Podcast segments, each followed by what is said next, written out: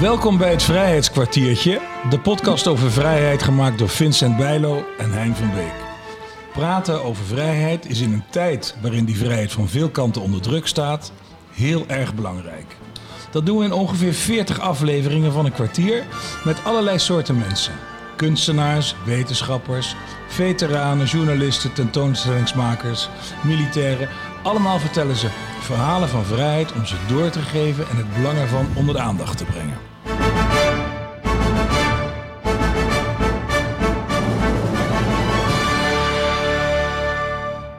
In deze aflevering spreekt Vincent Bijlo met Jori Brentjes, conservator van het Airborne Museum Het Hartenstein in Arnhem. Jori maakte recent de tentoonstelling Gevlucht om te vechten. Jori en Vincent, aan jullie het woord. Gevlucht om te vechten, uh, Jori. Wat houdt deze tentoonstelling in? Heel kort genomen is het een tentoonstelling over 21 Joodse mannen uit Duitsland en Oostenrijk... die in de jaren 30 naar Engeland zijn gevlucht... zich daarbij de Britse luchtlandingstroepen hebben aangesloten... en hebben deelgenomen aan de slag om Arnhem. En deze mannen, die um, waren begin van de oorlog in Engeland? Die mannen waren, uh, moet ik even goed zeggen, ze zijn opgegroeid in Oostenrijk en Duitsland. En sommigen zijn voor de oorlog naar Engeland gegaan en sommigen uh, zijn nou ja, vlak voor de uitbraak daar gekomen. Volgens mij is niemand na de uitbraak van de oorlog in Engeland gekomen. En hoe ben jij deze mannen op het spoor gekomen? In onze vaste tentoonstelling hebben we een munt van Harold Schilling. Maar Harold Schilling wordt in de expositie als Harold Bruce vermeld. En toen ik hier pas begon te werken, toen wees een van mijn collega's me daarop. En toen vroeg ik, waarom heeft die man onder een aangenomen naam moeten vechten? En toen kreeg ik te horen, nou ja, hij was een Joodse jongen uit Berlijn. Dan denk je, dat is genoeg reden om onder een valse naam uh, de oorlog in te gaan. Maar dan komt meteen de volgende vraag, wat doet een Joodse jongen uit Berlijn hier tijdens de slag om Arnhem bij de Britse luchtlandingstroepen? Ja. Dus dat verhaal ben ik ingedoken en dat bleek niet zo uniek te zijn als je wellicht zou vermoeden. Er zijn dus in totaal 21 Joodse mannen geweest ja. die uh, hetzelfde hebben meegemaakt. Maar die zijn, die zijn dus. Um, ze waren ook gedeeltelijk geïnterneerd in, uh, in, in Engeland. En was het eigenlijk een soort voorwaarde dat ze op vrije voeten kwamen, uh, dat ze mee gingen doen in het leger? Ja, dan slaan we een paar kleine stapjes over. Die jongens komen dus gedurende de jaren 30 in Engeland terecht. Ze zijn dan nog op vrije voeten. Engeland is dan op dat moment nog niet in oorlog met Nazi-Duitsland. Nee. Uh, zelfs na de uitbraak van de oorlog uh, worden die mannen niet meteen geïnterneerd. In eerste instantie worden ze voor speciale tribunalen gebracht die hun betrouwbaarheid moeten toetsen. Die mannen blijken betrouwbaar genoeg. Uh, dat komt natuurlijk gevallen. omdat ze Duitsstalig zijn. Ja, ze werden dus enemy aliens genoemd op dat moment. Ah, ja. Ze zijn mensen uit een land waarmee Groot-Brittannië op dat moment in oorlog verkeert. Ja, precies. Ja. Um, die tribunalen die spreken ze in principe allemaal vrij, om het zo te stellen. Mm -hmm. En pas nadat Nazi-Duitsland heel Frankrijk onder de voet gelopen heeft en die spanningen in Engeland enorm zijn toegenomen, pas op dat moment besluit de overheid ze te gaan interneren. Ondanks dat ze eigenlijk vrijgepleit waren. Ja, ondanks het feit dat ze goede reden hadden om te vluchten. Ze waren Joden. Men wist wat er in Nazi-Duitsland gebeurde. Ja. Ondanks dat die tribunalen daarna gekeken hebben. Die angst in de Britse samenleving was op dit moment zo groot voor een Duitse invasie dat ze het zekere voor het onzekere wilden nemen. Ja. En daarom vrij rigoureuze besluiten hebben genomen. En hun ticket naar een relatieve vrijheid was het leger. Ja, hoe ben je deze mannen eigenlijk, hoe, hoe, hoe ging dat, het, het, het uitpluizen van, dat, van die verhalen? Stukje bij beetje. Gelukkig ben ik niet de, de eerste die zich met dit onderwerp heeft bezig gehouden. Er zijn in Engeland en in Nederland mensen geweest die hebben gekeken naar de Joodse bijdrage aan de slag in brede zin. Dus ook Engelse Joden, uh, andere uh, Joden die hebben deelgenomen aan de Britse kant van deze slag of aan de Poolse kant. Mm -hmm. uh, dus die informatie was bekend en vanuit daar zijn we gaan puzzelen. En zijn we gaan kijken naar nou ja, archieven die zijn bijgehouden van die tribunalen. Zijn we gaan kijken naar leden die vanuit het Pioneer Corps richting de eerste luchtlandingsdivisie zijn gegaan. Dat is een belangrijke teken dat het om een vluchteling ging. Daar zit weer een heel verhaal achter. Maar goed, Dat Oh ja. hebben we allemaal proberen uit te pluizen. En we zijn op heel veel plekken in Engeland in archieven gedoken, Duitse archieven geraadpleegd. En uiteindelijk tot deze lijst gekomen. En, wa- en waar bestaat de tentoonstelling hier eh, fysiek uit? De tentoonstelling bestaat eh, uit een hele verdieping van het museum. En in die tentoonstelling laten we de grotere context zien waarin dit verhaal van die 21 mannen zich afspeelt. Gekoppeld aan allerlei persoonlijke voorbeelden van die mannen. Dus we laten zien hoe in Duitsland eh, tijdens Rijkspogromnacht de synagogen worden afgebrand. En daarbij geven we in dit geval het voorbeeld van Hans Schwartz, een van die jongens die eh, hier gevochten heeft en die zijn eigen synagoge heeft zien afbranden in, in Brandenburg aan der Havel. Ja. En eh, allerlei van die grotere thema's, de, de vlucht naar Engeland, hoe dat geplaatst heeft gevonden, de opname in de Britse samenleving, de opname in het Britse leger, hun bijdrage tijdens de slag om Arnhem. Dat wordt in een groot kader geschetst en vervolgens met persoonlijke voorwerpen en anekdotes geïllustreerd. En, en noemen ze een aantal van die voorwerpen. De eentje waar ik heel erg blij mee ben dat we die hebben mogen lenen is eh, het vrijlatingsbewijs uit concentratiekamp Sachsenhausen van Martin Lewin.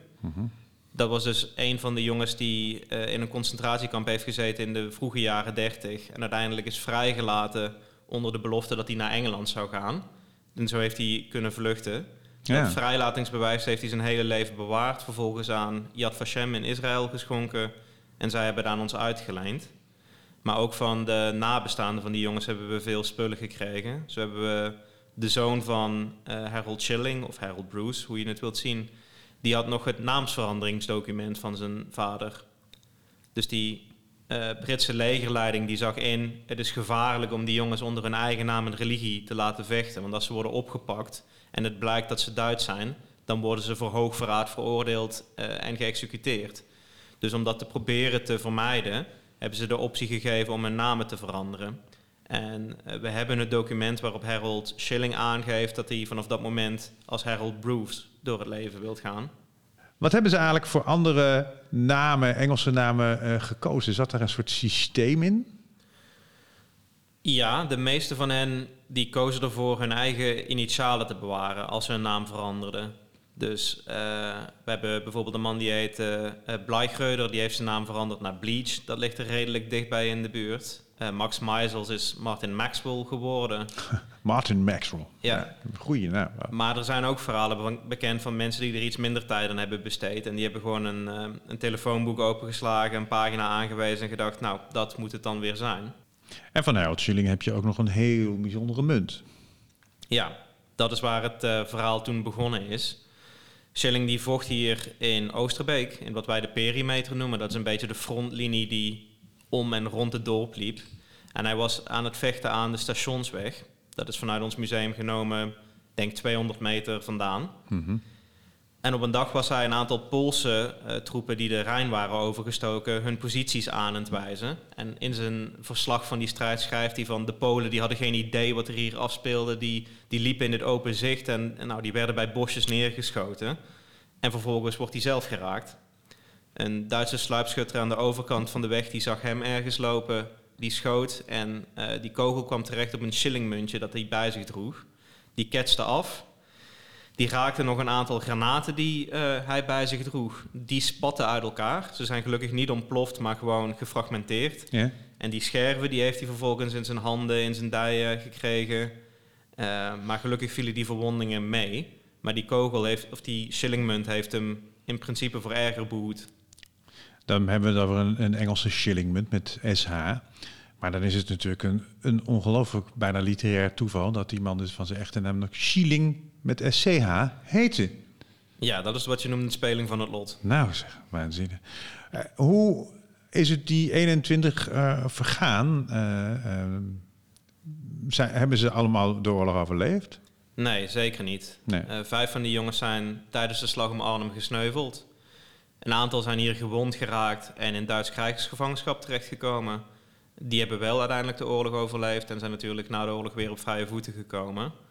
Maar eh, ze hebben er flink van langs gekregen tijdens de slag. Wat is jou eigenlijk jouw persoonlijke eh, band met de- deze thematiek? Hoe, hoe kom jij erbij om dit te, dit te gaan doen? Ik was gewoon geïntrigeerd door het verhaal Mhm. van een Joodse jongen uit Berlijn die hier met de Britten gevochten heeft. Maar kom jij hier zelf ook uit de buurt of niet? Eh, ik kom uit Limburg oorspronkelijk, maar ik woon in Nijmegen. Hm, ja. Maar ja, nee, dat is natuurlijk een waanzinnig fasci- fascinerend verhaal. Wat is, wat is nou eigenlijk het, het eh, ja, schokkendste of stuitendste wat je hebt ontdekt tijdens je naspeuringen?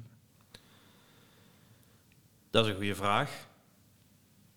Ik denk de meest schokkende dingen die ik heb ontdekt, die spelen zich allemaal nog af in Nazi-Duitsland. En dat is het, het leed dat die jongens is aangedaan. Ja.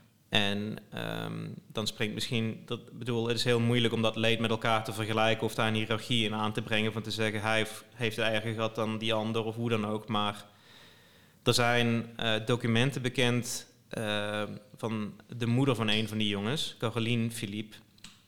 Ehm, zij had een gezin, haar man overleed voor de oorlog. En zij bleef achter met haar drie zoons en een dochter. En die drie zoons zijn allemaal opgepakt naar Rijkspogromnacht, naar een concentratiekamp gestuurd. Zij probeert wanhopig die jongens weer ook te helpen en vrij te krijgen. Vervolgens probeert ook zij met haar dochter te vluchten. Eh, dan moet ze haar huis verkopen, ze moet het bedrijf verkopen. In principe worden alle spullen van het gezin worden afgenomen. Die jongens die komen in Engeland, zij blijven achter met haar dochter. En zij wordt in 1941 eh, uit Wenen weggevoerd, gedeporteerd. En dat was het, er wordt verder niks meer van haar vernomen. En haar zoon, die heeft de oorlog overleefd, maar kampte daarna ook met ernstige depressies.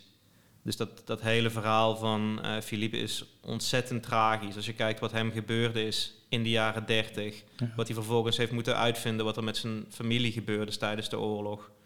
En alle ellende die hen is overkomen, dat is ja, onvoorstelbaar. Het is gewoon niet te bevatten eigenlijk. Nee, nee, heel moeilijk. Je hebt er een boek over eh, gemaakt ook. Ja, klopt.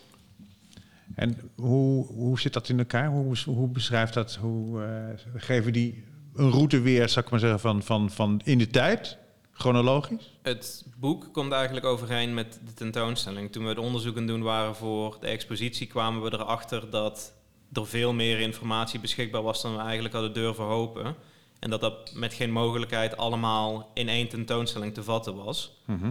Dus toen heb ik met onze directeur besproken, zou het goed zijn als we een boek erbij uitbrengen. En die volgt in principe hetzelfde pad als de tentoonstelling. Dus we beginnen in de jaren 30 en dan gaan dan chronologisch met die mannen door hun leven mee. Van hun vlucht naar Engeland, hun aankomst, opname in de Britse samenleving, het leger, slag om Arnhem. En dan kijken we ook in een laatste hoofdstuk in wat biografieën kijken we naar hoe hun naoorlogse bestaan er heeft uitgezien. Zijn er van die 21 eh, nu nog in leven? Nee, dat denk ik niet. Hè? Nee, de, de laatste is eh, drie jaar geleden overleden. Max Meisels. En zijn, zijn zij ook gaan doen aan eh, wat je vaak natuurlijk ziet bij, bij mensen die dat soort dingen. Zijn ze ook gaan doen aan, aan, aan, aan verhalen, hun verhaal vertellen? Of, eh, Eh, in meerdere manieren, ja. Sommigen hebben gewoon een verslagje opgetypt van de dagen die ze hier bij Arnhem hebben doorgemaakt. Dus de slag om Arnhem, wat ze daarin hebben gedaan en dat soort zaken. Anderen hebben meer hun, hun hele levensverhaal op papier gesteld. Anderen hebben weer interviews gegeven. Martin Lewin bijvoorbeeld, die jongen die in Sachsenhausen gevangen had gezeten, is in de jaren negentig een keer geïnterviewd door de staf van het eh, museum dat daar tegenwoordig zit. En dat interview konden we nog een transcript van krijgen. oh ja. En ehm, op veel manieren zijn er de stukjes van hun levensverhaal terug te puzzelen. ja. Het boek heet, neem, neem ik aan, ook Gevlucht om te vechten. Ja, Jorrie, hoe, hoe, hoe betrek jij eh, de jeugd eh, in dit eh, hele bijzondere verhaal? dat is ook een hele goede vraag. Ehm, er zijn door de hele tentoonstelling heen hebben we kaarten hangen. waarbij we onze jongere bezoekers vragen om ook eens zelf eens na te gaan denken over wat ze in bepaalde situaties zouden doen. Eh, als ze zouden vluchten, wat nemen ze dan mee? Als ze ergens voor moeten vechten, waar zouden ze dat dan voor doen? En dat is een beetje een laagdrempelige manier om hen ehm, in die schoenen van die ma- mannen te plaatsen en te denken van wat hebben zij nou echt meegemaakt, voor welke keuzes zijn zij geplaatst en wat hebben zij daarin gedaan. Dus op die manier proberen we dat eh, een beetje mee te geven aan de jeugd. Ja, herkenbaarheid eigenlijk. Hè? Ja, ja, ja. Mooi. Dilemma's. ja. Ja. En wat, wat, wat, wat, ge- wat geven ze zoal terug? Van alles. Als je de vraag waar kun je niet zonder, dat leidt tot hele uiteenlopende antwoorden. Ehm, van eh, mooiere antwoorden zoals mijn ouders tot hele nou ja, alledaagse eh, antwoorden zoals mijn iPhone of eh, ja, een precies. bepaald soort koekjes of ik weet niet wat. Dat, Ik zou eh, willen sterven voor mijn iPhone. Ja. Ja, nou ja, zo, zo erg heb ik het nog net Nee. niet gezien, maar eh, nee, het varieert heel erg. Laten we het daarop houden. Ja, ja, ja. Dat wanneer loopt de expo nog hier? De tentoonstelling staat tot februari volgend jaar. Nou, ik, we, we moeten allemaal dat boek gaan lezen. Dat, dat, dat lijkt mij wel. Eh, Graag, mag ik jou heel erg danken, Jori? graag gedaan. Dit was het eh, Vrijheidskwartiertje, gemaakt door Hein van Beek en Vincent Bijlo. Muziek, Kilian van Rooij.